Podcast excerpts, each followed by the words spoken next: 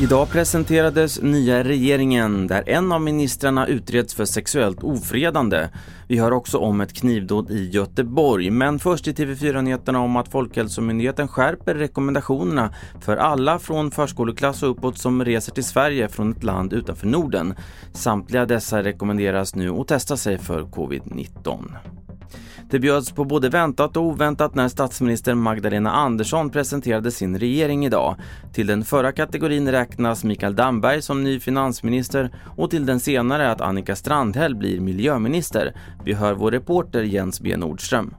Nej, men det var ju en kompakt tystnad när man läste upp eh, listan med namn för att dels identifiera vilka är de nya. Men det var ett ljudligt oj som hördes när eh, Annika Strandhäll presenterades på miljödepartementet. Många hade ju trott att hon skulle dyka upp i regeringen, men kanske inte just på den rollen.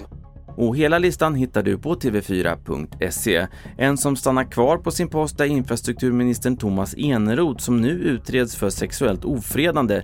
Det meddelade särskilda åklagarkammaren idag. Det handlar om att han ska ha tafsat på en partikamrat i samband med S-kongressen i höstas, något som Aftonbladet avslöjade. Så här kommenterar han själv utredningen. Jag har varit väldigt tydlig med att eh, förklara att det inte varit min avsikt. Eh, och jag har också bett om ursäkt när vi har pratat tillsammans om detta. Men nu är en förundersökning inledd och då tycker jag det är bra att man, myndigheterna tittar på om detta är någonting som ska gå vidare. Och sist om att en busschaufför i 35-årsåldern knivhuggits efter ett bråk med tre ungdomar ombord en buss i Göteborg.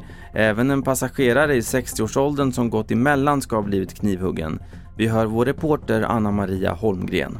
Just nu så pågår det alltså en intensiv eh, polisjakt för att få tag i de här ungdomarna. Och, eh, båda personerna som blev knivskurna är eh, förda till eh, sjukhus eh, och skadeläget är oklart i nuläget. Fler nyheter i appen TV4 Nyheterna. Mitt namn är Carl-Oskar Alsen.